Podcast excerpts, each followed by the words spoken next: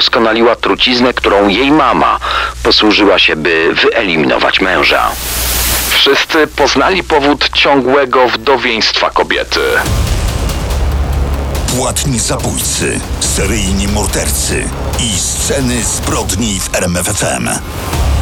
Opowiadamy o trucicielstwie i dziś osoby, które właśnie to trucicielstwo podniosły nie tyle na wyżyny zbrodni, co zrobiły z tego biznes, krwawy, morderczy przemysł. No i za chwilę pojawi się najsłynniejsza trucicielka Włoch. Jej przemysł, skoro już tak y, użyłeś tego słowa, kosztował życie 600 mężczyzn, ale w konsekwencji zginęło też wiele kobiet. Szczegóły wkrótce.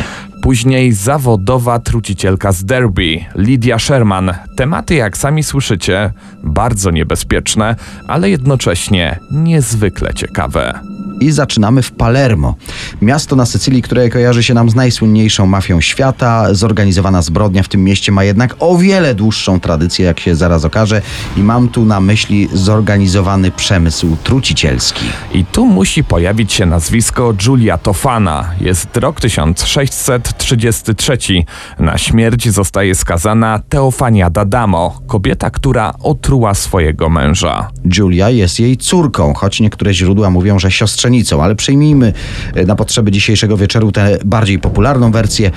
Tato zamordowany przez mamę. Mama oddana katu. Młodej Julii groziła śmierć głodowa, e, małoletnia sierota ze społecznych nizin. No, wielu alternatyw nie miała. By utrzymać się, sprzedaje na ulicy swoje ciało ale równocześnie prowadzi poboczną działalność. Wyciąga naukę z rodzinnej tragedii i zmienia ją w biznes.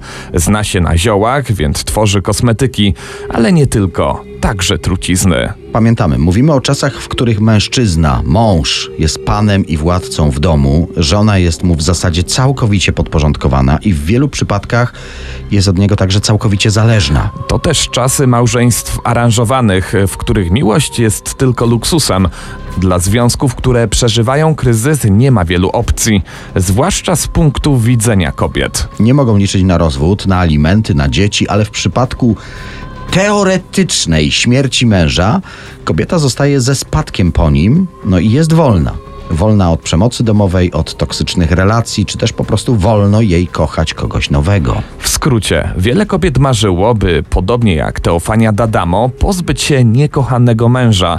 Oczywiście marzyły też, by nie skończyć jak ona z wyrokiem śmierci. I tym potrzebom naprzeciw wybiega właśnie Julia.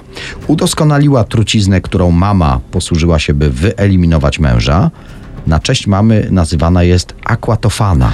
I wbrew nazwie to wcale nie woda. Aquatofana, zwana również jako aquella do Napoli, to mieszanka śmiertelnie skuteczna o dużej toksyczności i prawie nie pozostawiała śladu dla ówczesnych technik kryminalnych. No tak, większość trucizn stosowanych w tamtym czasie dawała takie oznaki jak niekontrolowany ślinotok, czy występowanie pośmiertnych prążków na paznokciach, przebarwianie śluzówek. Nasi słuchacze na pewno e, o niektórych których z tych objawów słyszeli.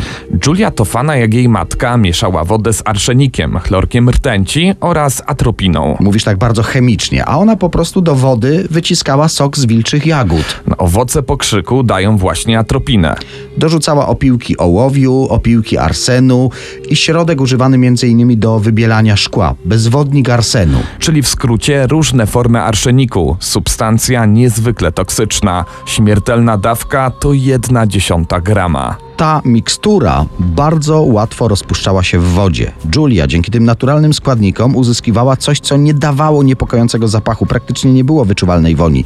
Nie miało też żadnego charakterystycznego smaku, wręcz niewyczuwalna była ta mikstura, a do tego bezbarwna. Choć czasem wychodził jej gęsty płyn o zabarwieniu bordowym lub żółtawym, ale najczęściej trucizna w fiolce wyglądała jak zwykła woda. Udoskonaliła proporcje w przepisie matki i potrafiła tak dawkować miksturę, miksturę, że wywoływała ona objawy początkowo zupełnie nie niepokojące. Jakieś pobolewanie brzucha, biegunka, wymioty, co było częste w niespecjalnie higienicznym XVII wieku. W kolejnych tygodniach bóle się nasilały, a w końcu było za późno. Kilka kropel umiejętnie dawkowanych i dochodziło do śmierci wyglądającej jak z przyczyn naturalnych. Ówczesna medycyna nie potrafiła wykryć śladów toksyn. Julia Tofana do każdej fiolki załączała szczegółową instrukcję dawkowania, by jej klientki były zadowolone z efektów, by efekt był stuprocentowy, no i by nie było żadnych podejrzeń. Biznes się rozkręcał i w końcu władze Palermo zainteresowały się, kto produkuje tę miksturę, którą się w pewnych kręgach jawnie polecało. Skąd bierze się aquatofana? Julia Tofana nie chciała uniknąć losu swej matki, więc w porę ucieka do Rzymu. Ucieka, gdyż zbyt wielkie zainteresowanie wywołała aquatofana, niezwykle toksyczna substancja, bezwonna, bezbarwna, bez smaku, dodawana do posiłków wywoływała śmierć w ciągu dwóch, trzech tygodni. Najczęściej preparaty stosowały mieszkanki Palermo, by pozbyć się mężów, ale także by załatwić ostatecznie inne zatargi rodzinne czy sąsiedzkie. Mówimy o Aquatofana, ale ten produkt miał również inną nazwę, jako że Julia sprzedawała małe ampułki w formie wyglądającej jak flakoniki perfum, by nie wzbudzać podejrzeń. Sprzedawała je też w opakowaniach z postacią świętego Mikołaja, wówczas kojarzonego przede wszystkim jako patrona producentów perfum właśnie. Zaczęto nazywać ten środek manną świętego Mikołaja. Słyszałem inną opowieść, że Julia twierdziła, iż we flakoniku są zebrane z grobowca świętego Mikołaja z Bari łzy. I te łzy mają lecznicze właściwości, stąd nazwa Manna di San Nicola di Bari. W każdym razie mamy świętego Mikołaja, kiedyś biskupa, to dodajmy do tego jeszcze jedną osobę duchowną, mnicha, zakonnika Hieronima. Był on kochankiem Julii. A jako, że miał kontakty jako osoba duchowna w wielu kręgach, innymi wśród lokalnych aptekarzy, to miał też dostęp do składników, które potrzebne były do tworzenia trucizny na masową skalę. To właśnie z nim Julia ucieka do Rzymu. Tu zaczynali właściwie od nowa, ale Palermo zapewniło ich biznesowi odpowiednią reklamę. W Rzymie zaczęło przybywać wdów, a później także w Neapolu, ale Julia wyciągnęła naukę z błędów swojej matki. Nie chciała usłyszeć wyroku śmierci, więc działała ostrożnie. Jednak władzę w Neapolu przejmuje Filip Wirich von Daun. Pochodzący z Austrii polityk reprezentował interes dworu Habsburgów. Jako żołnierz wsławił się w walkach z Hiszpanami, którzy chcieli podbić Italię. Szczególną sławę przyniosła mu obrona Turynu. Ta sława doprowadziła do tego, że został wybrany na zaszczytne stanowisko wicekróla Neapolu. Zlecił on szczegółowe zbadanie przypadków coraz liczniejszych zgonów w wyższych sferach. Śledztwo doprowadziło w końcu do tego, że zwrócono uwagę na tajemniczą Julię, ale wpadła głównie z powodu jednej ze swoich klientek. Jej klientką została hrabina Cherry, kobieta ambitna i przekonana o swojej nieomylności.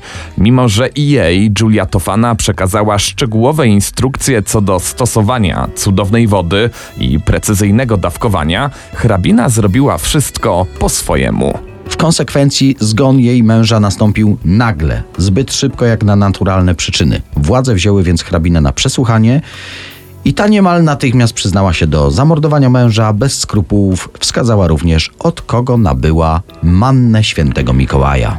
Julia została ostrzeżona, schroniła się w klasztorze i to były czasy, gdy kościoły i klasztory były pewnego rodzaju azylami, do których przemoc nie miała wstępu, w których władza świecka nie miała mocy. A jednak wspomniany już w tej historii wicekról Neapolu Filip Wirich von Daun nakazał swoim żołnierzom, by nie przejmowali się jakimś tam azylem. Może to przez jego austriackie wychowanie nie miał takiego respektu jak Włosi dla świętości. Skończyło się na tym, że wtargnęli rzeczywiście do klasztoru, pojmali Julię.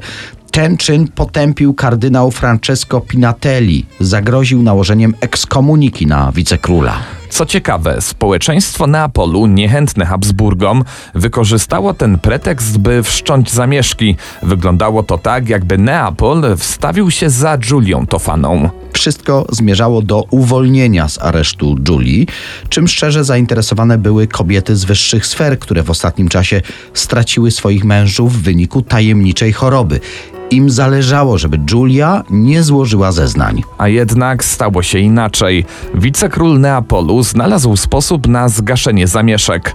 Rozpuścił plotkę, że Tofana planowała zatruć źródła wody pitnej w mieście, że produkowana przez nią manna Mikołaja miała trafić do wszystkich studni, że planowała wymordować całe miasto. Neapolitańczycy spokornieli, zrozumieli, że wicekról być może ratuje im właśnie życie.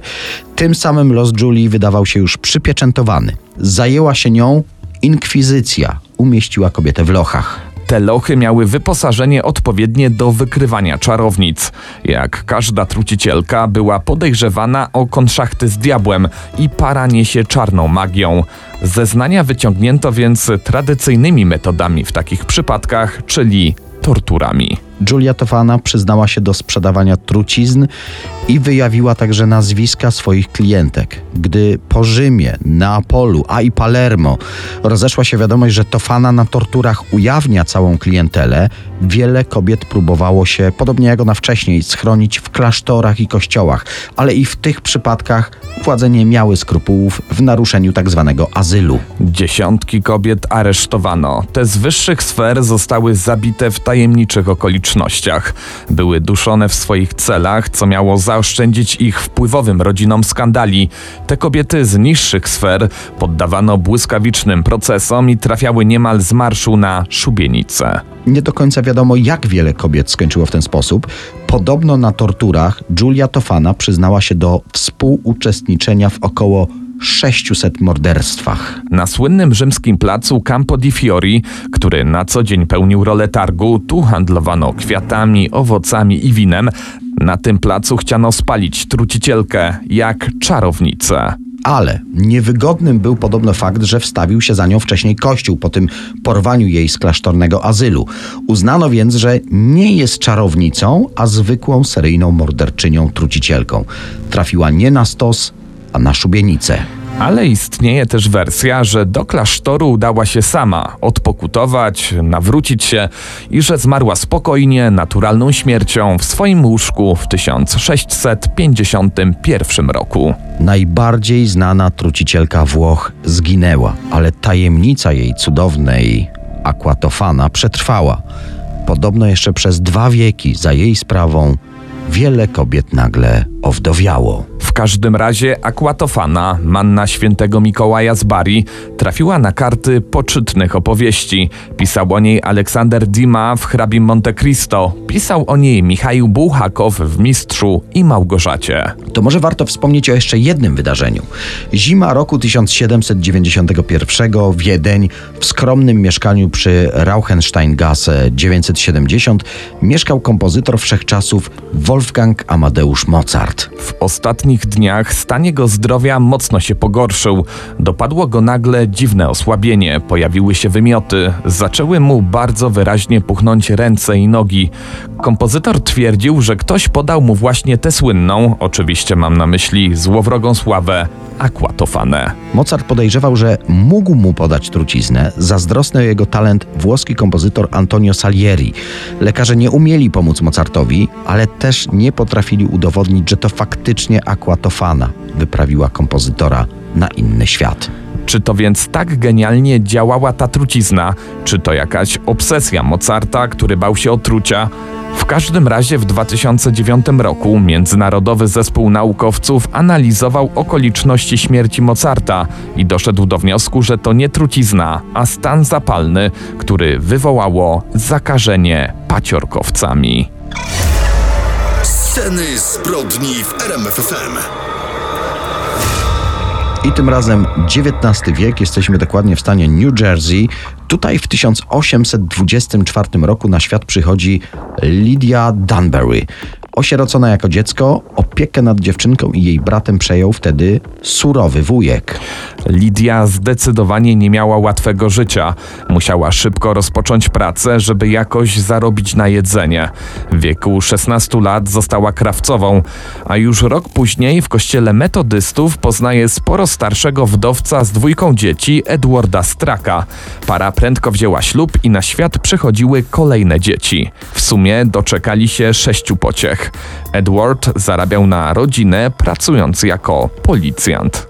Cały świat tej familii poukładany burzy się jak domek z kart, gdy mężczyzna został zwolniony z pracy. Kolejne nieudane próby znalezienia zarobków wpędzają ojca rodziny w ciężką depresję. Głów do wykarmienia było sporo, pieniędzy u Straksów nie przybywało. No dramatyczna sytuacja. Wtedy wykończona szarą codziennością Lidia postanowiła wziąć sprawy w swoje ręce. Choremu mężowi na śniadanie zaserwowała owsiankę.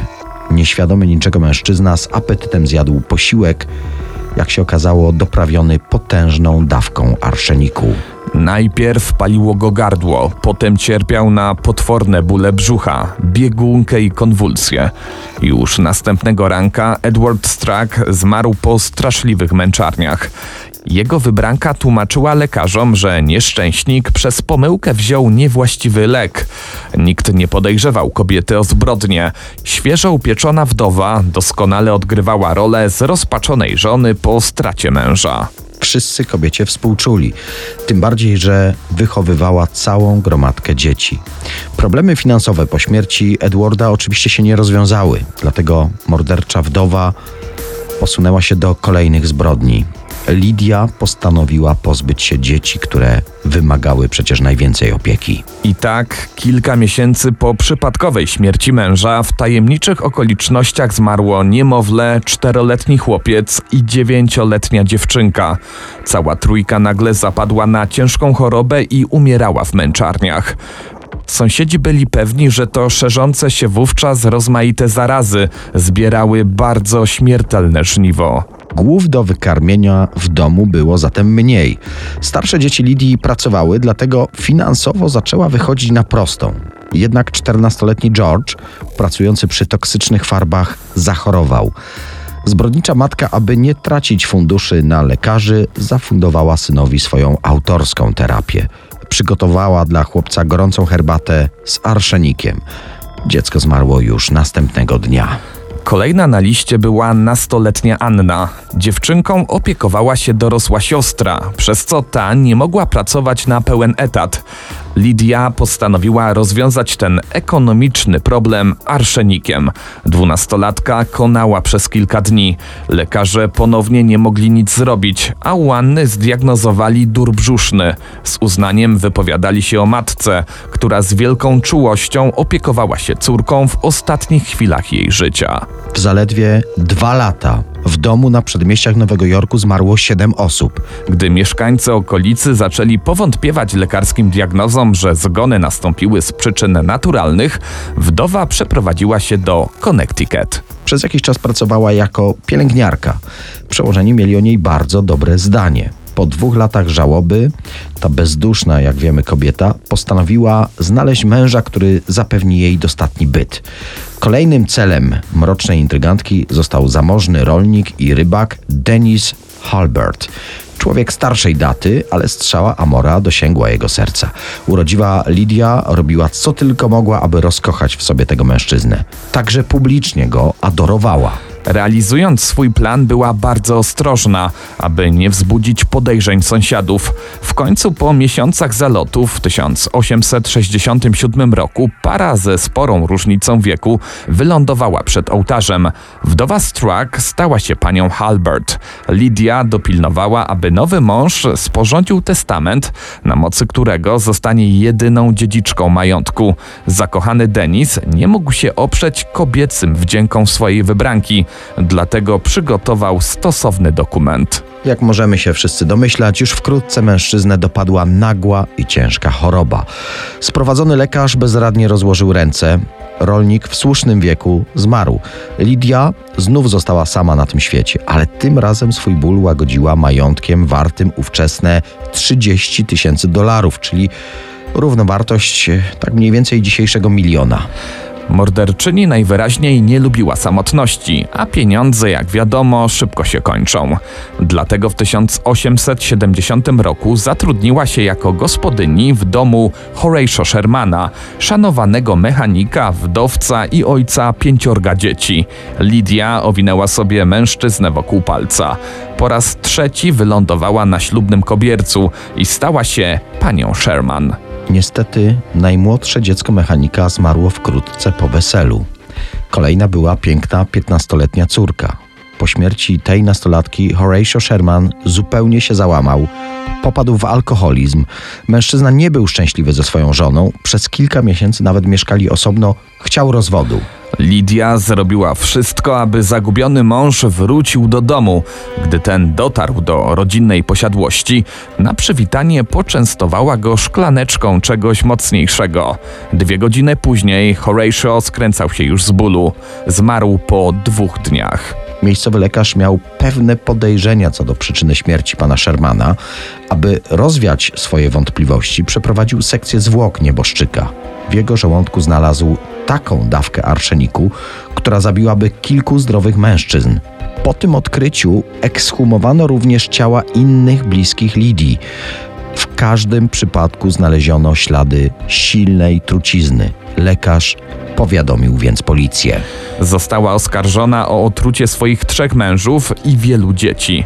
Kobieta uciekła do New Jersey, ale w czerwcu 1871 roku została wytropiona i aresztowana. Podczas procesu emanowała stoickim spokojem. Nie chciała rozmawiać z dziennikarzami. Pierwszego dnia w sądzie uwagę zwracała jej kreacja czarna sukienka z wełny alpaki, szal, rękawiczki i słomkowy kapelusz z cienkim welonem. Zapewniała, że jest niewinna, ale w końcu przyznała się do otrucia swoich trzech wybranków i czwórki dzieci. Prawdziwa lista jej zbrodni jest jednak o wiele dłuższa. W styczniu 1873 roku została skazana na dożywocie w więzieniu stanowym Wethersfield. Za kratami ponownie sprawiała świetne pozory i prowokowała współczucie innych. Plamiła kredkami skórę na twarzy, udawała omdlenia, symulowała poważne choroby, aby być lżej traktowana. Za murami więzienia zarabiała drobne kwoty, wykonując rozmaite prace za zgodą przełożonej. Lidia umiejętnie manipulowała kobietą, którą na dodatek okradła z 50 dolarów. Intrygantce zdecydowanie nie podobało się w więzieniu, dlatego zaplanowała swoją ucieczkę. Na wolność wydostała się przy pomocy kilku koleżanek, była doskonale przygotowana, miała ze sobą pieniądze, miała odpowiednie suknie na przebranie. Zbiegła do miasta Providence w Rhode Island. Szybko znalazła kolejnego bogatego wdowca, u którego zatrudniła się jako gospodyni. Kto wie, jaki los spotkałby mężczyznę, gdyby nie to, że policja wyśledziła uciekinierkę już po kilku tygodniach. Zawodowa wdowa wróciła więc do więzienia, z którego już nigdy nie wyszła. Zmarła w wyniku choroby 16 maja 1878 roku. Ta bezwzględna trucicielka miała wtedy 54 lata. W tym przypadku arszenik nie miał ze śmiercią nic wspólnego. Historia Lidii Sherman była niezwykle głośna w ówczesnych Stanach Zjednoczonych. Już pod koniec XIX wieku na podstawie historii tej zabójczyni powstały dwie książki. Cieszyły się one sporą popularnością. Chętnych na poznanie losów trucicielki nie brakowało. Ta kobieta y, wyznała później, że mordowała z pobudek finansowych. O zabójstwie swoich dzieci z pierwszego małżeństwa mówiła: Myślałam, że nie dam rady ich utrzymać i doszłam do wniosku, że byłoby dla nich lepiej, gdyby odeszły. Na temat śmierci chorego chłopczyka z ostatniego małżeństwa Franka Shermana pisała znów: Byłam bardzo zaniepokojona. Nie wiedziałam, co robić. Kusiło mnie, żeby dać mu, Frankiemu, coś, co pozwoli mu odejść, bo myślałam, że będzie mu lepiej. Wiele wskazuje na to, że zabijanie nie sprawiało żadnej satysfakcji Lidii Sherman. W jej chorym umyśle arszenik był po prostu środkiem do rozwiązywania rozmaitych problemów. Sceny zbrodni w RMFFM.